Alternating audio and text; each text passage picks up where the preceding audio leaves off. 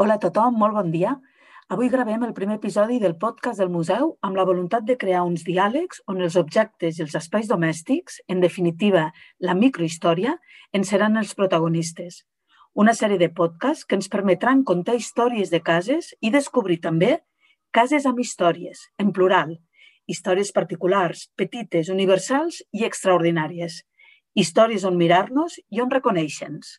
Us proposem viatjar a l'interior de la casa Duran i Sant Pere, una casa situada al vell mig del carrer Major de Cervera, per conèixer totes les persones que la van habitar i les seues relacions. De fet, les seues relacions entre, entre ells, però també les relacions dels habitants de la casa amb, amb, el, pop, amb el propi veïnatge de la ciutat.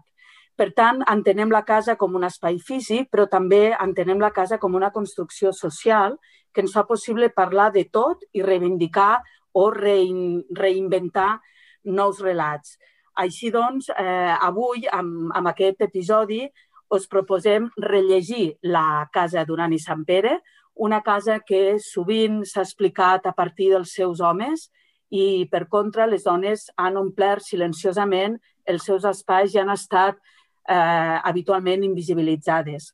Malgrat la seva potència intel·lectual, la potència intel·lectual tant de l'Hermínia Grau i Aimà la dona d'Agustí Duran i Sant Pere com de l'Eulàlia Duran i Grau, la que va ser la seva filla, eh, malgrat dir aquesta potència, mm, fins fa relativament poc els seus noms no, no han aparegut massa amb, amb els recorreguts d'aquesta casa. De fet, Hermínia Grau i Aimà, mm, amb, tant amb la seva trajectòria vital com també amb part dels seus escrits i de la seva correspondència, reivindica constantment la seva identitat, independent dels rols socials que se li van assignar i, de fet, trenca amb la grisó i el mimetisme de les dones del segle XIX, segurament eh, exemplificades amb la figura d'Elisa de, Sant Pere, la seva sogra. Mm? Ella re, reivindica, per tant, la seva identitat i, de fet, eh, reclama ocupar l'espai que li pertoca pel, pel simple fet d'existir, de, no per ser la dona de, eh, en aquest cas. Eh, hem de dir, a més a més, que el, la casa, ara Casa Museu, és un dels, de, dels espais segurament més rellevants per poder acabar de construir una història de les dones. Ens adonem que existeixen certes desviacions en els projectes de, de recerca que beneficien les identitats de, de gènere hegemòniques en detriment de les més minoritàries o, més que minoritàries, de les més invisibilitzades.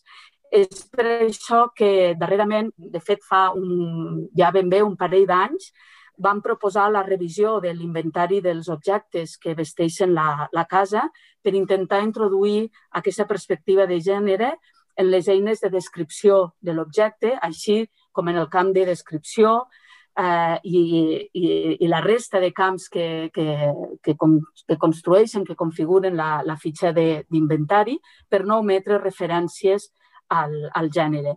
Per tant, proposem una revisió dels inventaris de la Casa Museu que ens permeti la seva actualització i al mateix temps ens permeti eh, desenvolupar nous relats o noves narratives que fins ara havien quedat amagades. I segurament havien quedat amagades perquè és la documentació i la recerca una de les eines fonamentals per poder construir nous relats. Per això, eh, avui hem convidat amb aquest primer podcast a dos expertes, la Lilian Cuesta, ella és historiadora de l'art i és la conservadora del Museu Nacional de Ceràmica de, de València i experta eh, justament amb això, en perspectiva de gènere en museus i, i gènere. I ens acompanya també la Mònica Piera, ella també és historiadora de l'art, és presidenta de l'Associació per a la Història del Moble Català i, a més a més, és una de les persones que millor coneix la Casa Duran en tant que ella mateixa va ser l'encarregada de fer tot el, el primer inventari dels objectes de, de la casa, segurament amb una perspectiva en aquell moment més objectual, més de història de l'art, però necessària perquè era el primer inventari que afrontava la casa i després, dos anys més tard, eh, comencem un nou viatge amb ella, amb la Mònica, que és aquesta, aquesta relectura de la casa, aquesta introducció de la perspectiva de gènere. Començo preguntant-li a la Lilian, bueno, abans que res, com, molt contenta de tenir-vos aquí que participeu en aquest nou projecte del museu i que esperem que, que agradi a la gent i que acabi convertint-se en una cita habitual. Eh, dit això, eh, començo per tu, Lilian, perquè, de fet, el projecte Rellegint la casa durant en perspectiva de gènere o en clau de gènere no és un projecte que inventem del no-res, sinó que respon primer amb aquesta, amb aquesta creança ferma de que només una bona recerca i una bona documentació de l'objecte ens permetrà crear nous relats o redescobrir noves històries i perquè eh, coneixem un projecte que vas liderar tu, que és el de relectures, i que ens va obrir una mica els ulls i vam dir, volem això també per la Casa Duran. Explica'ns una mica el, el per què, quina necessitat creus que hi havia amb aquest projecte vostre de relectures? Sí, bueno, ante todo, muchas gracias por la invitación, Carmen, que es un, placer una vez más estar de manera virtual, esta vez en Cervera, pero bueno, esperemos que la próxima vez sea presencial.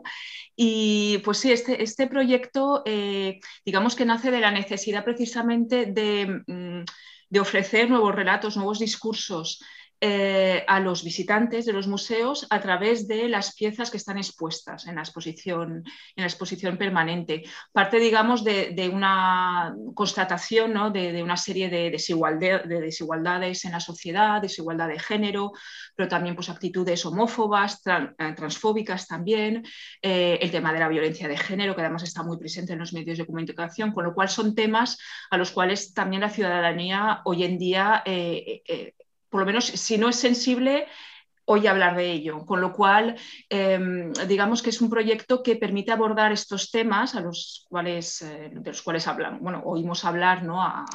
Desgraciadamente, de hecho, a, menudo, eh, pero que nos permite abordar estos temas a través del patrimonio, el patrimonio cultural que está conservado en los museos. Digamos que esa era la, el, em, digamos, el punto de partida, ¿no? la, idea. Y entonces eh, se basa pues, en, una selección de piezas em, de, los museos participantes. Eso sí, son piezas que tienen que estar expuestas eh, de manera permanente, que formen parte de la permanente, porque la idea es crear unos recorridos virtuales, pero que los visitantes eh, pueden hacer de manera física o, podrían hacer si les apetece venir al museo o hacer incluso un recorrido entre varios museos, puedan hacer ese recorrido eh, físicamente, presencialmente y eh, utilizando los recursos toda la, información que se genera eh, en torno a las, piezas seleccionadas. Estas piezas eh, lo que se hace es una relectura, como tú comentabas, ¿no?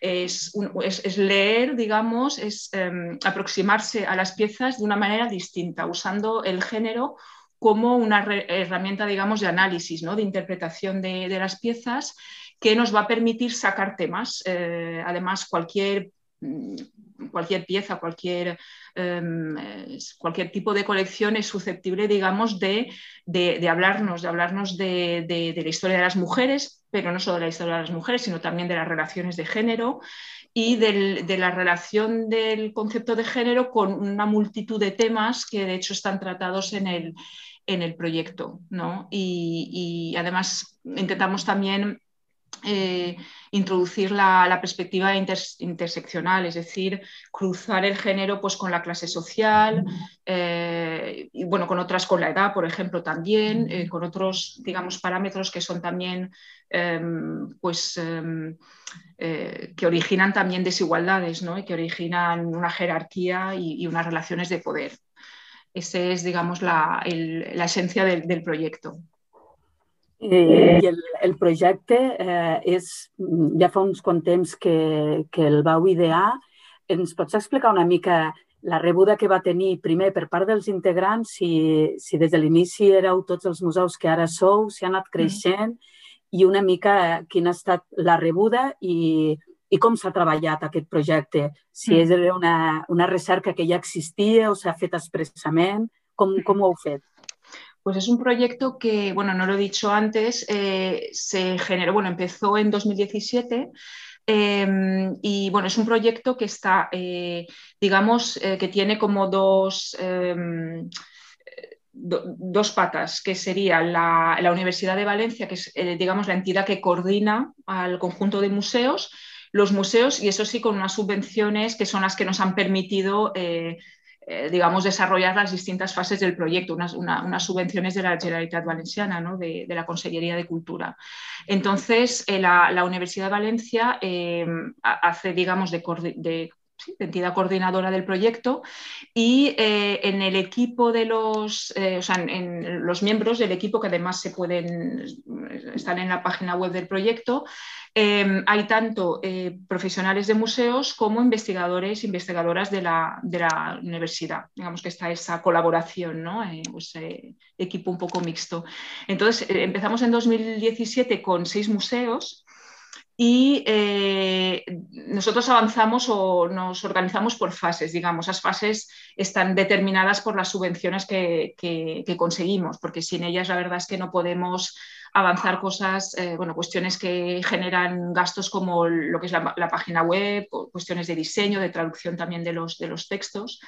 Y em, hubo una segunda fase en 2018 a la cual se sumaron, eh, a ver que no me equivoco, cuatro museos, eh, no, cuatro fue en la última fase, ahora son 15 pues seis y, seis y cinco y cuatro, eso.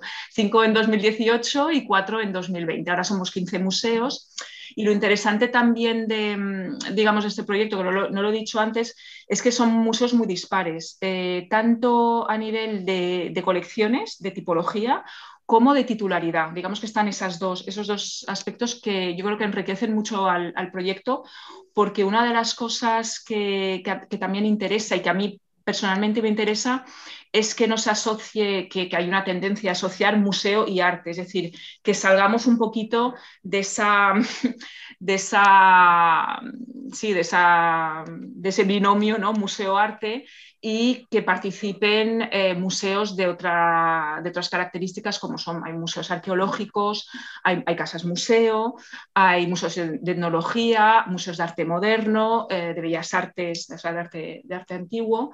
Entonces, e, eso ya eh, es interesante porque em, lo que también hace el proyecto es, crear diálogos entre las piezas.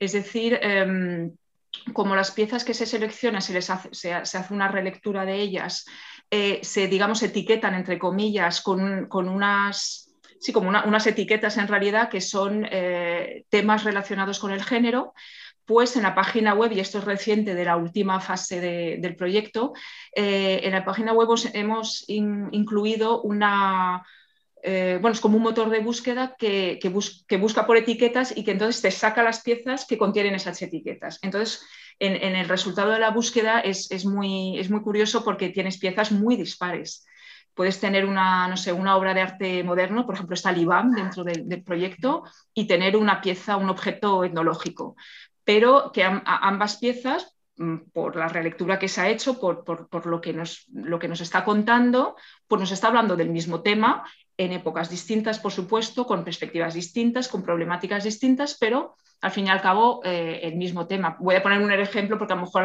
la, gente que nos escuche no, no logra pero por ejemplo en, este listado de temas, de etiquetas, tenemos cuestiones como género y espacio o género e historia, género y clase social, lo cual nos permite pues eso, introducir una perspectiva interseccional.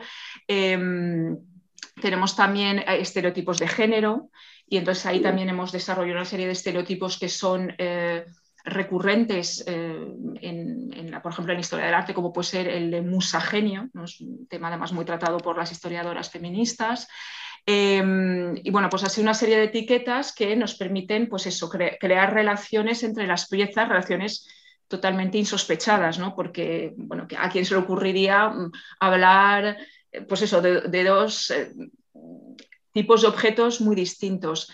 Y esto es interesante también porque, porque eso, tendemos eh, a reducir los museos al arte, por una parte, y además a establecer que, bueno, eso es la herencia de la visión em, androcéntrica ¿no? de, la, historia de la historia del arte, que es establecer esas jerarquías entre arte mayor y arte menor, entre, pues eso, entre eh, el arte de creadores y, la artesanía, por ejemplo, o el arte de autoría desconocida, o sea, los objetos de autoría desconocida, ¿no? Y esto nos permite un poco desafiar esos, esas categorías, esas jerarquías y, poner, confrontar objetos pues, pues muy distintos entre sí. Y luego el otro aspecto que comentaba era la diferencia de titularidad. ¿no? De, los... Esto es interesante también porque em, la verdad es que a, mí personalmente, siempre lo digo, me interesa porque somos el único museo estatal en, Valencia. Bueno, está el, Museo de Bellas Artes también, pero como la gestión está transferida a la, comunidad autónoma, pues eh, eh, somos realmente el único museo estatal de gestión directa del ministerio, ¿no? Entonces, como que a veces nos ven un poco como un bicho raro por una parte y estamos como un poquito aislados a nivel profesional, ¿no? Y esto nos ha permitido también pues establecer relaciones eh, con otros profesionales de otros museos de titularidades muy distintas y también de tamaños muy distintos, ¿no? O sea, tenemos museos pues como el Museo de Bellas Artes de Valencia, que es un museo, bueno, pues es la, segunda pinacoteca de España, en fin. Y luego, pues museos de carácter local o comarcal, ¿no? Y eso es muy, muy, también muy interesante y muy enriquecedor, esas relaciones ¿no? Eh, profesionales y esos intercambios, ¿no? Que yo, de hecho, eh, bueno, pues me ha permitido eso, conocer a gente pues extraordinaria y establecer, eh, bueno, pues llevar incluso nuevos proyectos adelante y, o sea que y bueno, pues eso, es un aspecto del proyecto que me gusta destacar porque, bueno, pues eso, eh, enriquece ¿no? el conjunto del, del, proyecto. Sí, la veritat, Lilian, és que per lo que estàs explicant i, bueno, i la consulta eh, del, del projecte a la web així ho demostra, que és un, és un projecte al final que sacseja un munt d'estructures. No és un projecte només que mm, documente de nou una sèrie d'objectes, sinó que jo crec que sí que revoluciona una mica aquestes estructures tan jeràrquiques i tan hegemòniques, per dir d'alguna manera, que, que s'han establert. M'ha interessat molt, per exemple, això que comentaves ara d'aquesta riquesa de museus, eh, a, a, a, més enllà de la titularitat, sobretot per la tipologia de, de mm. museus, segurament perquè el Museu de Cervera som un museu de territori, és a dir, som un museu molt petit, amb unes col·leccions molt heterogènies i que a vegades sembla que t'haguis de justificar constantment una mica fins i tot el, el permís a existir, no? I perquè no ets aquell mm. gran museu amb unes col·leccions de, anomenades de primera categoria, per dir-ho d'alguna forma. És a dir, que m'interessa molt aquest, aquest argument que dies de, que, que al final la perspectiva de gènere va més enllà del recompte de dones o no. Mm. Tu i jo hem parlat moltes vegades perquè formem sí. part del mateix grup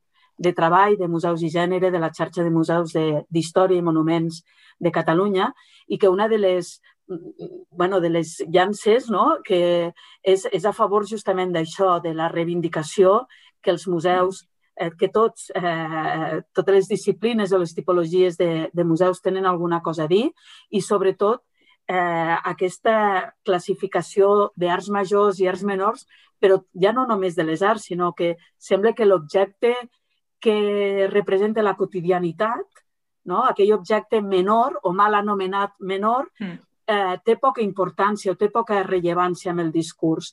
I jo crec que projectes com el, com el teu que a més a més permeten aquests diàlegs que ens explicaves ara, eh, el que estan evidenciant és que el, un objecte et pot parlar de moltes coses, però sobretot que hi ha objectes petits que amaguen relats immensos, no? que, que a vegades un objecte més gran mm, potser per la seva qualitat artística, per exemple, amagarà la resta de, de relats. Per tant, una mica també, ja ho has explicat, no? però si, si podem insistir en aquesta necessitat, des del Museu de Cervera també reivindiquem molt els nostres treballs fets a partir de la microhistòria, a partir mm. d'aquesta necessitat de museïtzar la quotidianitat i com això fa que, que, que, la, que les persones ens identifiquem més amb uns espais, amb uns relats, perquè ens hi veiem representats. Aquesta gran història, a vegades tan eh, explicada a partir del conflicte bèl·lic, d'altra banda també tan masculinitzat, mm. fa que moltes de nosaltres estiguem sempre fora d'aquesta història, no? Com ho veus mm. tu?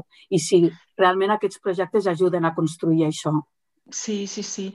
Eh, la verdad es que todo lo que estás comentando también me recuerda, bueno, es otro proyecto que es un proyecto propio del Museo Nacional de Cerámica, pero, pero que va mucho en ese sentido, porque eh, lo que quiere trabajar, bueno, el museo está en, una, en un palacio, realmente em, un palacio del cual se ha conservado em, no todo el mobiliario, hay muchas cosas que se han perdido, muchos espacios también que se han perdido, eso es una pena porque se han perdido todos los espacios relacionados con el personal de servicio, por ejemplo.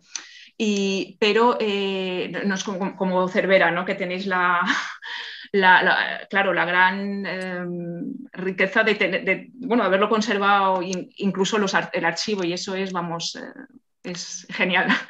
Pero, pero, este proyecto va precisamente lo que quiere es hablar de eso, de esa vida cotidiana y de, de, esa microhistoria, es lo que comentabas precisamente, y es al fin y al cabo acercar eh, a, los visitantes a, la historia del, lugar, porque ahora mismo, bueno, es, realmente es un museo que nunca se ha tratado como casa museo, de hecho no está clasificado como tal, es un museo especializado en cerámica, instalado en ese palacio, pero el, palacio nunca se ha tratado como casa museo, nunca se ha hablado de, lo que sucedió allí, allí de, para qué servían realmente las estancias, dónde estaban aquellas que nos han conservado, cómo vivían los habitantes de esa casa. ¿no? Y yo he de decirte que, vamos, la visita a tu museo, también tú eres muy, muy inspiradora para mí porque me ha inspirado, es verdad, es verdad, lo digo y de verdad, ¿eh? sinceramente vamos, yo también cuando te, escucho hablar y tal, eh, me, ha inspirado mucho para, precisamente para ofrecer esa lectura distinta, que realmente es un discurso totalmente nuevo, porque no, no, existe como tal, ¿no? centrado en esa vida cotidiana y, que pueda hablar precisamente de, otros temas, ¿no? y desde una perspectiva, pues eso, de, historia social, eh, que al final damos lo que decíamos, o sea, que buscan los visitantes cuando sí que a veces, o sea, sí que es cierto también que buscan eh, datos, tener información sobre lo que está expuesto, ¿no? Pero cuando tú eso lo vinculas además con experiencias, em, con, con, su propia vida, porque siempre hay alguna manera, algún lazo que se puede tejer entre el pasado y, el presente. La gente es así, es así como aprende, o sea, eso ya está demostrado, el aprendizaje se hace por la experiencia y por esa vinculación que se puede establecer con el pasado y con, su, con tus propias vivencias. ¿no? Entonces, em, yo creo que es una manera de, sí, efectivamente, distinta y, en esto el, vamos, la crítica feminista eh, ha aportado muchísimo, muchísimo en esta Em, vamos, em, ¿cómo decir?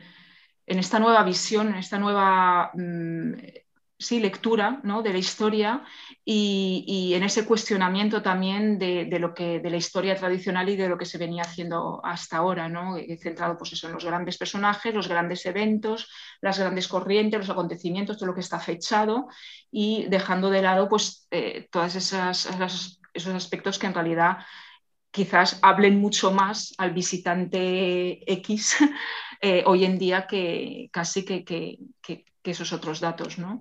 Entonces, eh, y, en relecturas, em, lo interesante de, también de, usar el género como, como, como concepto o, herramienta de análisis es que, como, como, decías, no solamente nos permite hablar y desvelar la historia de las mujeres ¿no? y de, incluso de otros grupos invisibilizados, sino que también nos permite hablar de, las relaciones de género, las relaciones entre mujeres y hombres, de la masculinidad también, o masculinidades, igual que feminidades, no sé si esos términos también, bueno, todo es cuestionable. Yo me hago siempre preguntas de todo porque empleo términos y luego me quedo pensando, digo, pero claro, es que esto en realidad y, no, no acabarías. Es un tema, es verdad, es un tema complejo, la verdad, y además como hay distintas corrientes teóricas dentro de lo que es el género, es, pero vamos, em, eh, lo que decía, que, es un, que, este concepto nos permite hablar, pues eso, de, ya no solo de la mujer, sino de, otras, e incluso si,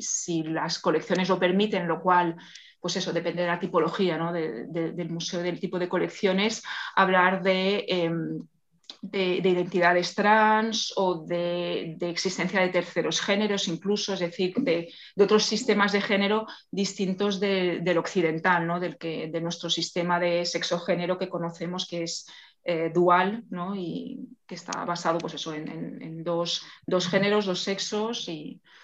Entonces, es, claro, esto, esto igual es más fácil encontrar ejemplos en colecciones de carácter antropológico, por ejemplo, que son eh, extraordinarias para poder hablar de esa, relativizar, ¿no? incluso pues eso, muchas ideas que tenemos, que tenemos sobre, sobre lo que es el género, lo que es ser mujer, lo que es ser hombre y, demás.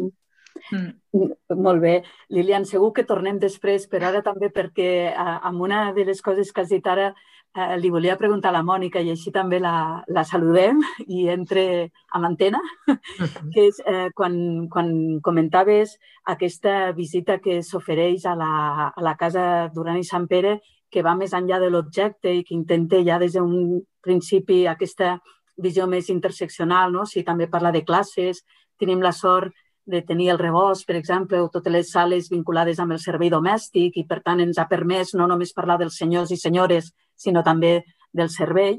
Eh, I jo ara, quan ho estàs explicant, me n'he recordat d'una de les primeres vegades que vaig parlar amb la Mònica, quan encara no ens coneixem massa ni tampoc la casa, i, i jo anava eh, bueno, preguntant-li més com veuria certs inventaris o fixar-se en certs objectes de, de la casa, i més o menys, segurament, Mònica, no me'n recordo exactament de les paraules que vas utilitzar, però vas dir alguna cosa així com que la Casa Duran, si era important per alguna cosa, eh, segurament no era tant per, pels objectes individualitzats, que, que sí, que n'hi ha de molt importants, sinó per, pel seu conjunt i perquè sobretot ens permetia parlar d'espai domèstic, de, de com aquest espai arquitectònic i aquest espai domèstic és la traducció d'una sèrie de relacions, no? les sales de rebre, les sales més privades, aquells espais més femenins o que, per tant, adapten tecnologies o formes o, o la pròpia distribució. No, no sé si te'n recordes d'això i si, si estàs d'acord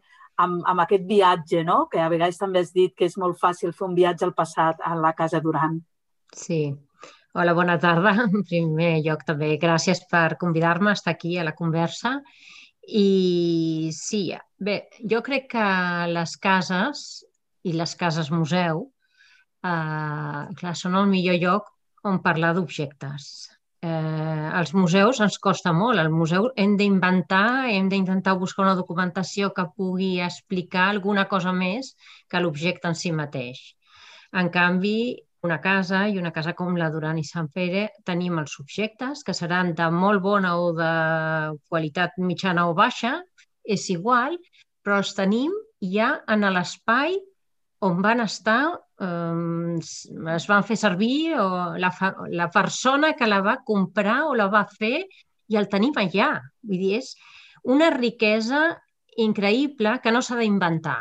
Vale? Llavors, jo el que dic és que les cases museu eh, és veritat que s'han aturat en un moment, vull dir, és com si la vida com una pel·lícula i de cop, pam, en aquell moment ja es converteix en un museu. Eh? I tot s'ha quedat aturat i jo quan vaig entrar a la casa, eh, a la casa Duran i Sant Pere eh, va ser aquesta sensació de que era una casa que havia viscut molt, que es va crear a finals del 19, que va estar visquent de la mà, sobretot, de l'Agustí Duran, que era el personatge principal i per la qual cosa aquella casa estava convertida en museu, eh, però ja quan entraves allà ja veies moltes coses molt diverses i recordo que tu, en les primeres converses que vam tenir, jo et deia, bueno, hi ha coses molt desordenades, jo em posaria a ordenar. I és lo bonic, no? Per una banda, en una casa no tenim les coses ordenades, com en un museu. Les coses es deixen o es fan servir on sigui. I té aquesta eh, aquesta espontanietat del que és una cosa viscuda. En el moment de convertir-ho en museu i de fer un relat, doncs, bueno, potser ordenarem una mica perquè la gent entengui millor. Però eh, aquesta part d'ús i de com d'aturar no? la vida la trobo que les cases, museu, li han de treure molt de profit. És la gran riquesa que tenen. Més enllà de si és d'un nivell o d'un altre, senzillament el poder tenir uns espais on la vida s'ha aturat i allà podem intentar veure què passava. En el cas de la Casa Duran i Sant Pere, a més, és veritat, eh, nosaltres quan vam fer a l'estudi de les peces, vam començar a entrar allà, vam al començament a analitzar obra per obra, peça per peça, mmm, té diverses coses. Una, que estan molt ben conservades. Jo crec que això és també una característica fantàstica de tenir el context, l'espai, les sales amb els subjectes i no hi ha alteracions grans. Realment pots entrar en alguna sala i et transporta directament a 1890. I això és interessant. Llavors jo crec que el primer exercici de saber el que tens, aquest estudi de la peça, de, de la casa, dels espais i dels subjectes més petits de manera individual i conjunta és important fer-ho. Vull dir, crec que abans de fer les segones lectures jo segueixo pensant que és important què tenim davant. Fins i tot saber si és ceràmica o porcellana i saber si és... perquè després parlarem de coses i podrem imaginar on ho han comprat o com ho feien servir. O, però eh, el punt de partida i sobretot en els subjectes quotidians jo crec que encara ens falta molt de saber la materialitat, perquè fins ara no l'hem estudiat mai. Hem estudiat la pintura, l'escultura l'arquitectura, però els objectes no sabem res. No sabem si és de mollo i de dos duros o si és una cosa gravada, de qualitat, excepcional, i quan tu analitzes aquesta diferència dius, clar, és que aquest és el que posen els diumenges, el dia de festa. I per què? Perquè la, la factura d'allò és molt més eh, cara. No? Vull dir que realment jo, la primera fase de conèixer el que tens entre mans i què significava la seva època tenir allò, eh, és un, un, un primer pas. Uh, ara, a la casa d'Urà i Sant Pere també el que ens vam adonar és que realment parlàvem sempre de l'Agustí i segons com es fa molt difícil saber coses d'ell a partir de la casa, perquè hi ha el despatx, hi ha...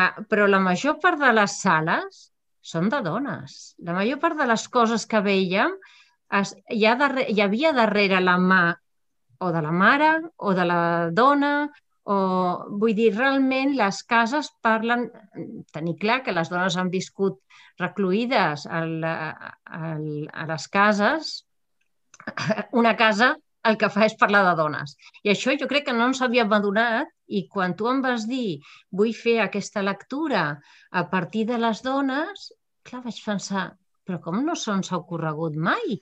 Però és que és l'únic que parla la casa, és el més fàcil de tot. El que és difícil és parlar de l'home, perquè no està aquí o quasi no se, no se li veu.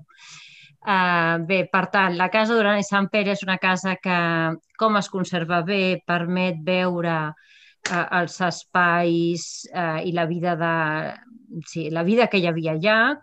És, un, vull dir, és una casa que és un espai arquitectònic, és un interior d'un moment determinat o de diversos moments.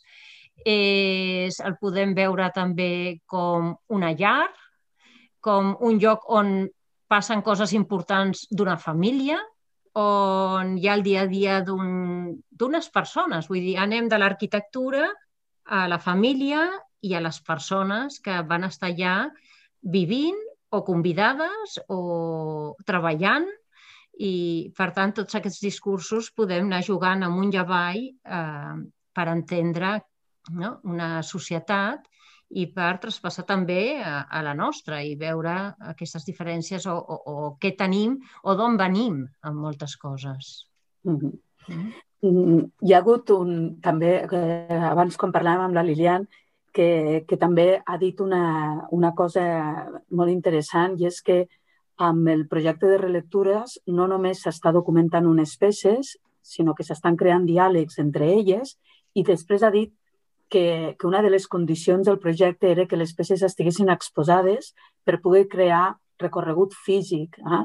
Eh, dic que és molt important perquè en el nostre cas, amb el de Cervera, aquesta condició no existeix perquè la casa està oberta al públic i per tant existeix, però sí que, bueno, existeix la visita física, però sí que és veritat que, eh, i és fantàstic quan passa, i ens està passant sempre a nosaltres, és quan ets capaç d'integrar tota aquesta recerca eh, aprofundida que va fer la Mònica amb el primer inventari, que coincideixo plenament amb tu, que era imprescindible aquell primer contacte amb l'objecte, en qui ho fa, eh, quin, el material, el, el seu ús, la seva funció és fonamental, és, és imprescindible, eh, però mm, després eh, tota la resta d'informació, o sigui, to tota aquesta relectura, la primera i la segona i la tercera que farem, tota aquesta recerca, com a poc a poc l'anem incorporant al nostre propi discurs. Val?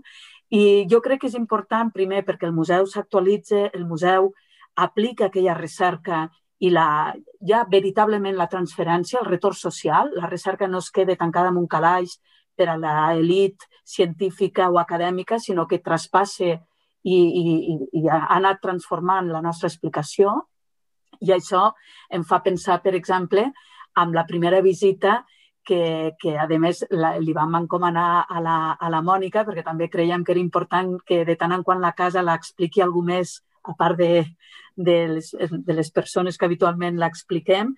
I, I la primera visita que fa la Mònica arrel d'aquesta primera visió de relectura, per dir-ho d'alguna manera, eh, és amb aquesta clau de gènere i amb les claus de la casa a la mà i una expressió eh, que, que ara segurament ens podràs explicar millor, Mònica, que és la de siguis mestressa, que surt d'una novel·la.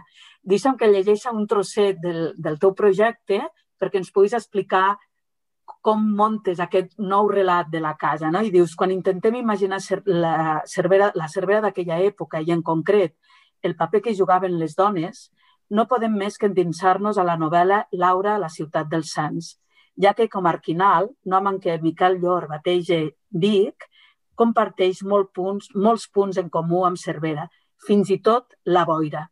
La boira que simbolitza aquests dos nuclis eminentment rurals del territori català, tancats en si mateixos i orgullosos de mantenir les seues tradicions. És que és fantàstic com a introducció, Mònica.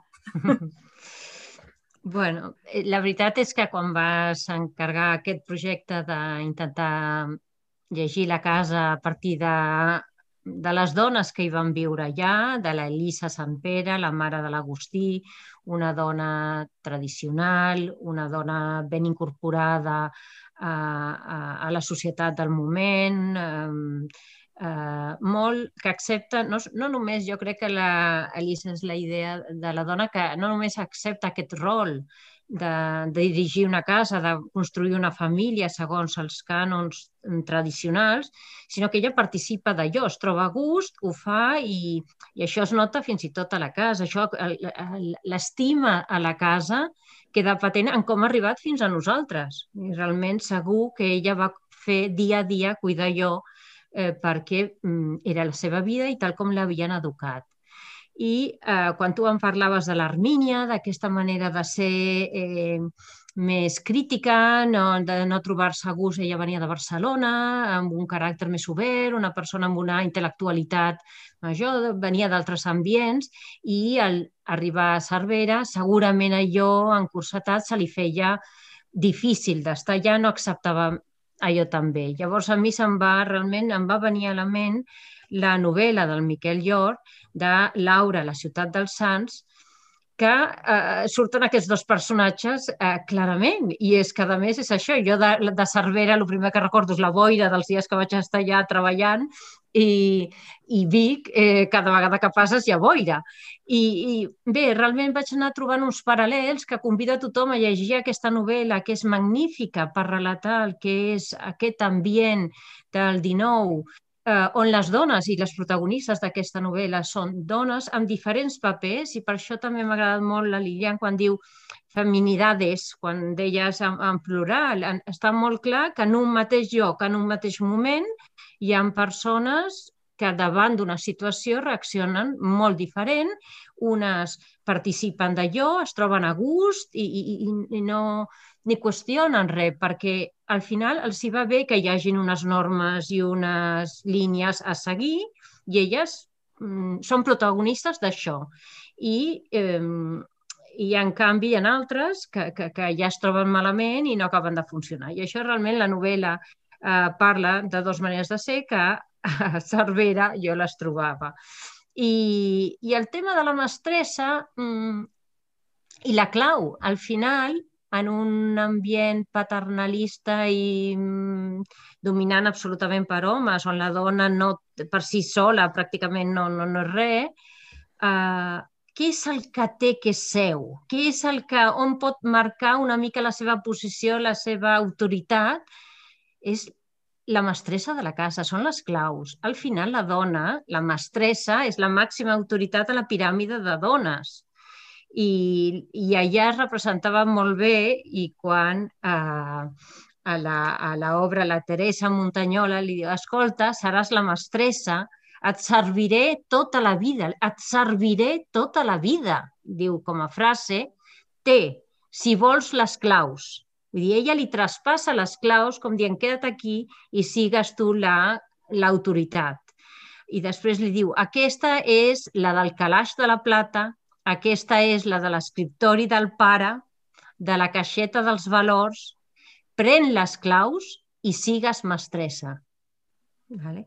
Ho vaig trobar uh, molt bo i vaig pensar que entrant en una casa, una casa museu, uh, el primer que fas és obrir la porta i allà trobarem després un escenari que passaran moltes coses, però qui té la clau és una cosa que és important.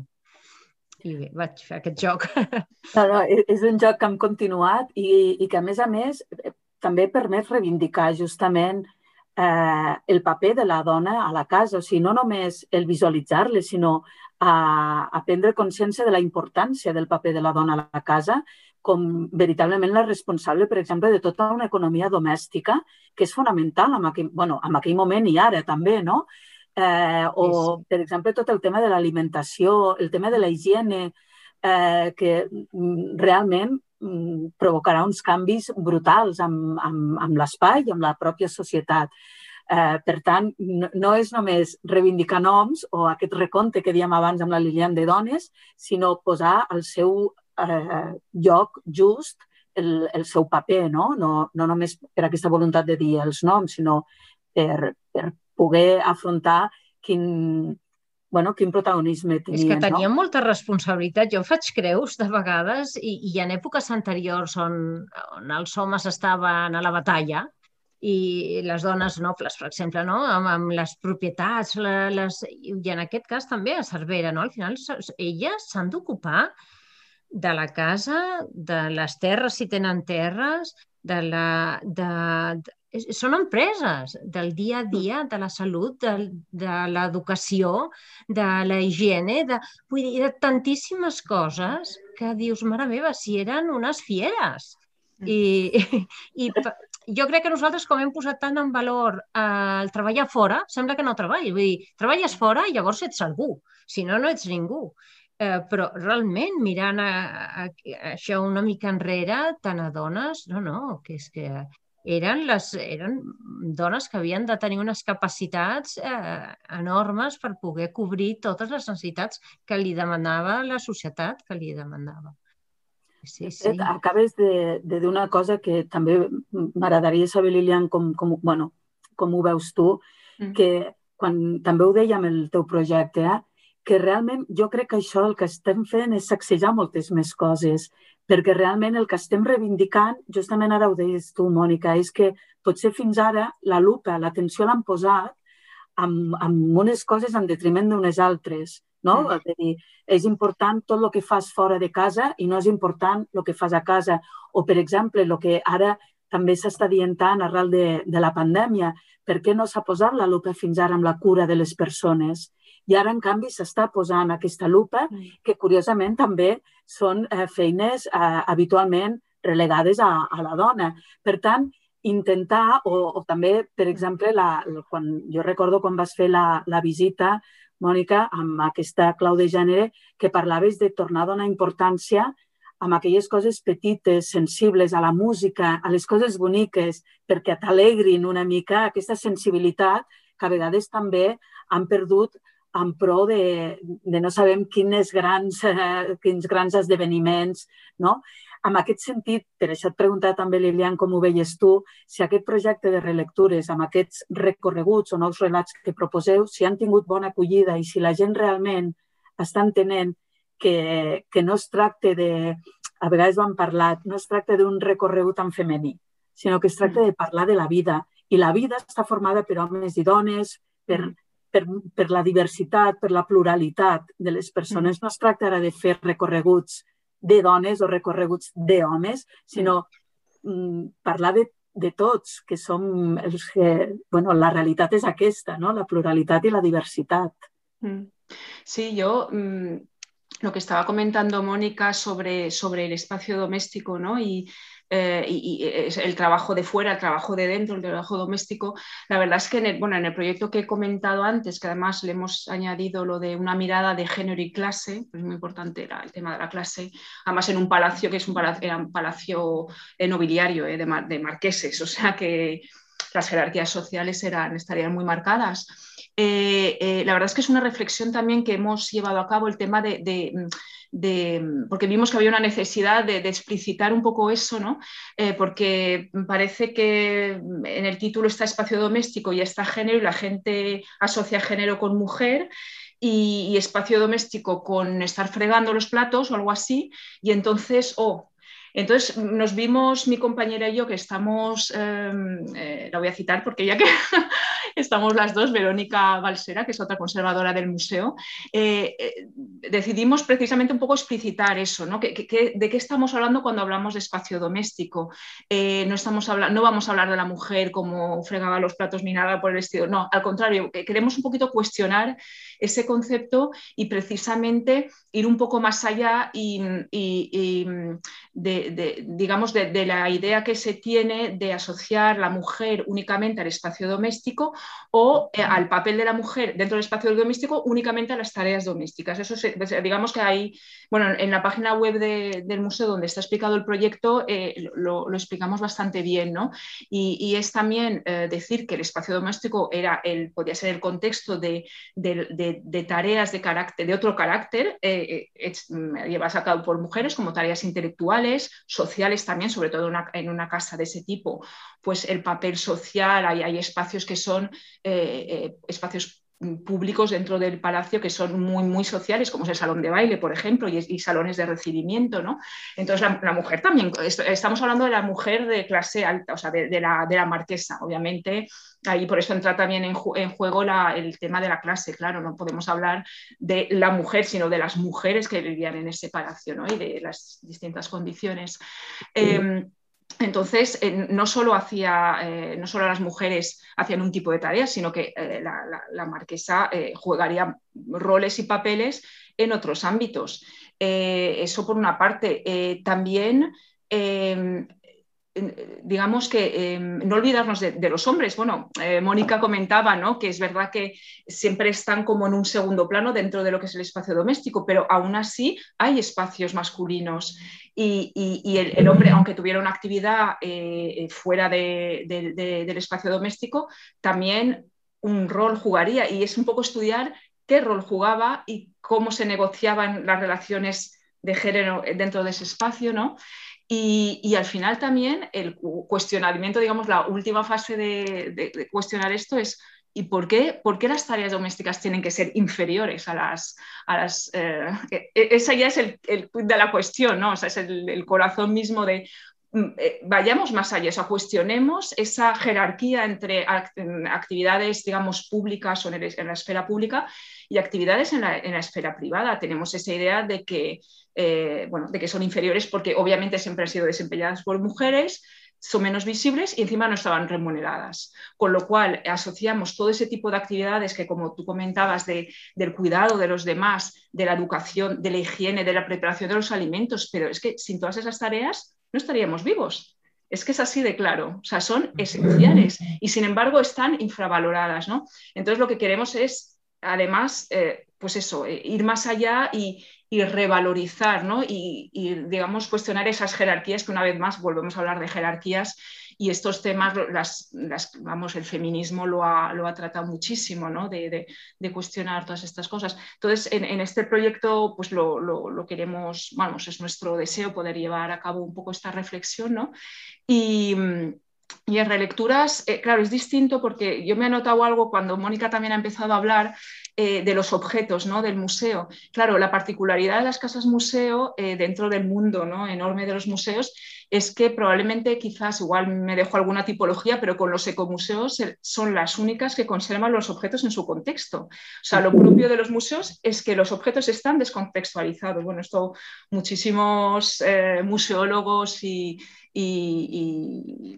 sí, historiadores de, los museos lo han, hablado sobre ello. el, objeto dentro del museo está descontextualizado y por lo tanto eh, pierde un significado que se, digamos, se resignifica al entrar dentro del museo. El, objeto adquiere un estatus distinto. Eh, sin embargo, en los casos museo no pasa eso, porque están en su propio contexto de origen. Entonces, a nivel precisamente de, lo que nos pueden decir y hablar del género, de la historia de las mujeres, de las relaciones de género y demás, es muy interesante porque ya tenemos el contexto que rodea el objeto. Digamos que es, entre comillas, más fácil poder interpretar porque eh, está arropado por su, por su contexto original y, si, si, hay la suerte de haber conservado el archivo, pues incluso por documentación, que además nos puede aportar muchísima más, más información. Y claro, relecturas en general son museos, sí que hay casas museos, hay una casa museo mm, muy chula en, Torrent, eh, que es, un museo comarcal y es una casa museo, vamos, muy, muy recomendable también, eh, pero claro, el resto de, museos son museos eh, en, los cuales, pues eso, los objetos, las piezas que están expuestas están totalmente descontextualizadas. Entonces, claro, es una aproximación también a la lectura de las, de las piezas distintas, esa, esa, particularidad de las casas museos, que es lo que las hace dentro del mundo de los museos especiales, la verdad. Yo sí. Sí, sí, está claro que no, no hace falta inventar contexto, sino que lo tenemos, no, no hace falta aplicar eh, muchos recursos de interpretación porque ya los tenemos, ¿no? A, veces lo hemos hablado también con, con Mónica, que una de las características de la, museo, de la museografia de la casa museu és la no museografia, no? El, no intervenir a la casa perquè la casa ja t'aporta tota aquesta informació. Eh, què us sembla si ens anem a fixar en un exemple concret de lo que han fet amb rellegir la casa i també m'agafo, eh, li dono la paraula a la Mònica, però agafant les, les paraules que ara també dia la, la Lilian, que tan important és, és veure que, quin és el paper de les dones, com sobretot la relació que hi ha entre els homes i les dones de, de la casa. No? I, I dic això perquè eh, l'exemple que, que, que hem dit d'agafar és una caixa de núvia.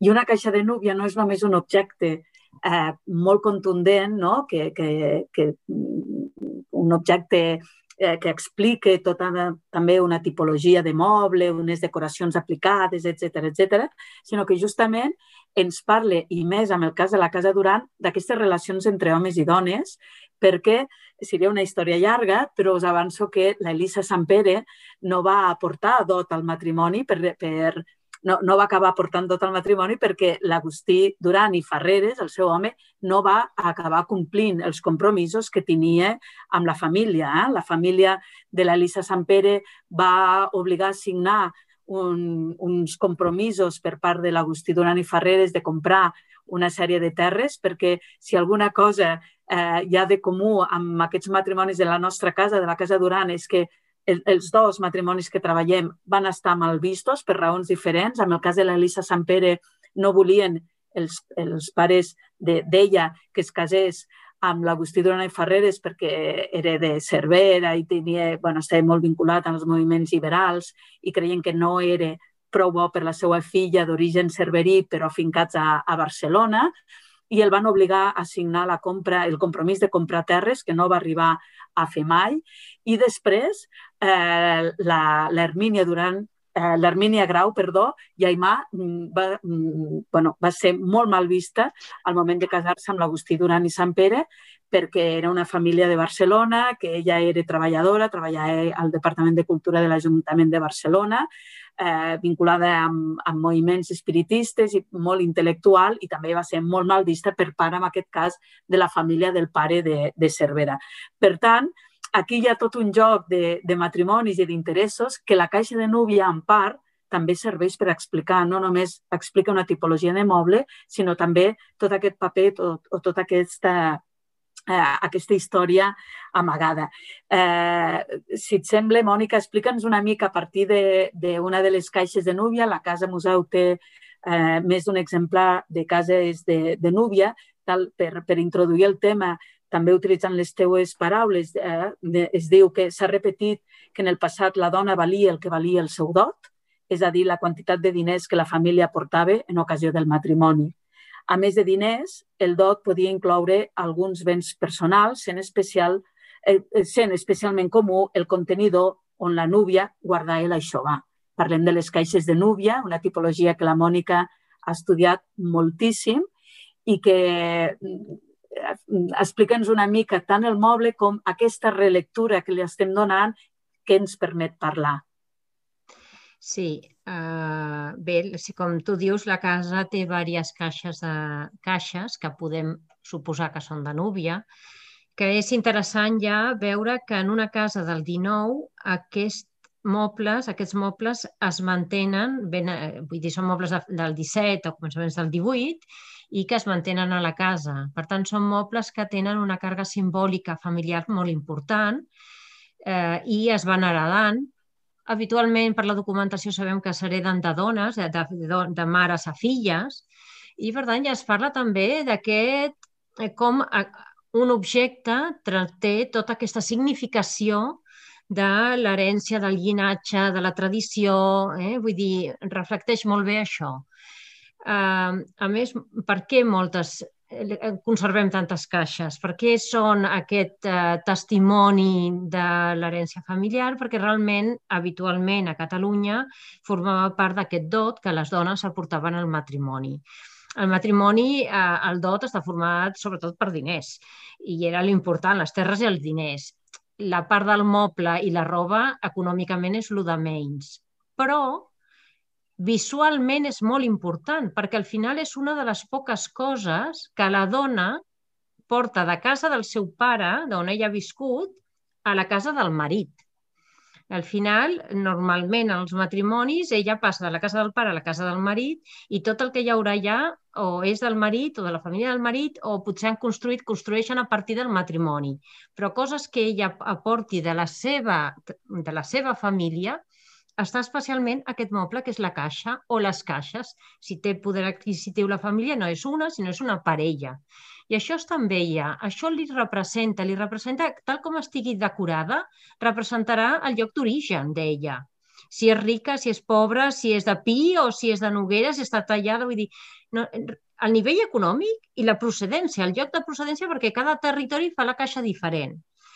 I, per tant, la relació de la dona amb aquest objecte jo crec que, que és molt gran i la documentació ens ho diu. Quan es fan els inventaris dels marits, eh, i arriben a la caixa, ella, eh, eh, per exemple, posa, bueno, i aquesta caixa que és meva i només meva, i no la obro ni poso res, no obro aquí al notari perquè el que hi ha dintre és meu i que quedi ben clar que només ho dic per això, perquè sapigueu que és meu. Vull dir, és com una defensa ultrança d'una cosa que dius, ui, què li passa a aquesta dona? I quan això es repeteix en molts documents de diferents èpoques, te n'adones que no és un objecte qualsevol, que és un objecte amb una càrrega emocional i simbòlica molt gran. I a la Casa Duran hi ha do, dues d'aquesta tradició i realment podem, mm, bé, pensar, ja anava l'Aixobat, es posa en valor moltes coses també, perquè les robes que van dintre són les que ella al final farà servir durant la seva vida. Vull dir, al final la gent tenia molt poques coses, les cuidava molt i la roba era la roba que li havia fet la família per quan ella es casés i quasi no es compra roba després. Vull dir, Uh, per tant, tot té valor, tot es cuida, tot va sota una clau i, i aquestes robes són les seves robes. Després posa les robes potser dels seus fills, però no la del marit.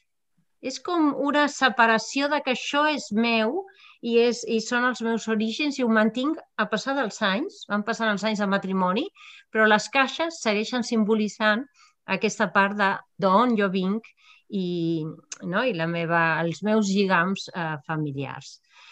Uh, bé, i llavors la relació amb el marit, sí, la cosa del dot és que la dona porta el dot, però qui administra el dot és el marit. Vale? I aquí hi ha aquesta relació també. En realitat, aquests dots moltes vegades serveixen per muntar un negoci. I les famílies es casa el matrimoni i amb els diners del dot és, poden començar el seu futur eh, comú.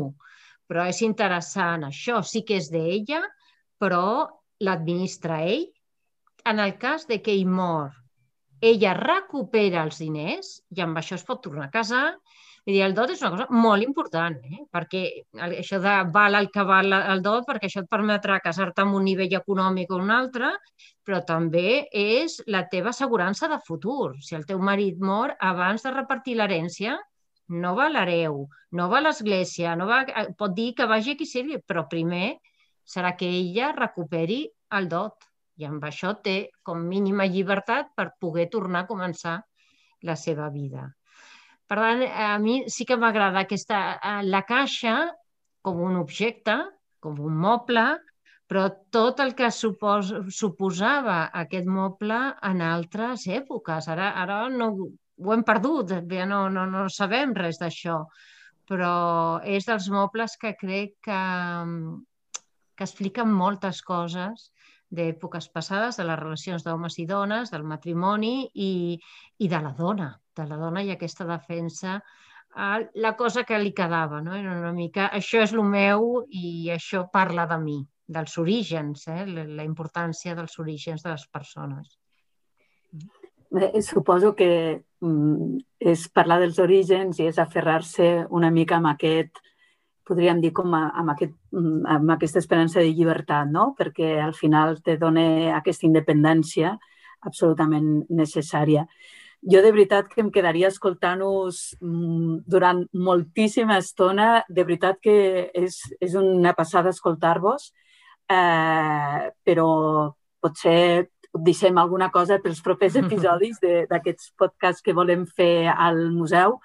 Us agraeixo moltíssim que, que hagueu participat, que a més amb aquesta estrena, eh, que és la primera vegada que fem un projecte d'aquest tipus, i res, segur que us torno a convidar. Bé, de fet, el segon episodi la, la Mònica torna a estar convidada perquè proposem parlar de calaixeres i que amaguen dins dels seus calaixos, una mica el mateix que hem fet ara amb les caixes de núvia, que amaguen. Eh, ho farem en calaixos i ho farem en llibre il·lustrat. Eh? Per tant, eh, no, no dic res més, però sí eh, avançar-vos que cada podcast amague alguna sorpresa, igual que amague moltes històries. Moltíssimes gràcies i fins la propera edició. gràcies. Gràcies. Moltes gràcies. Moltes gràcies.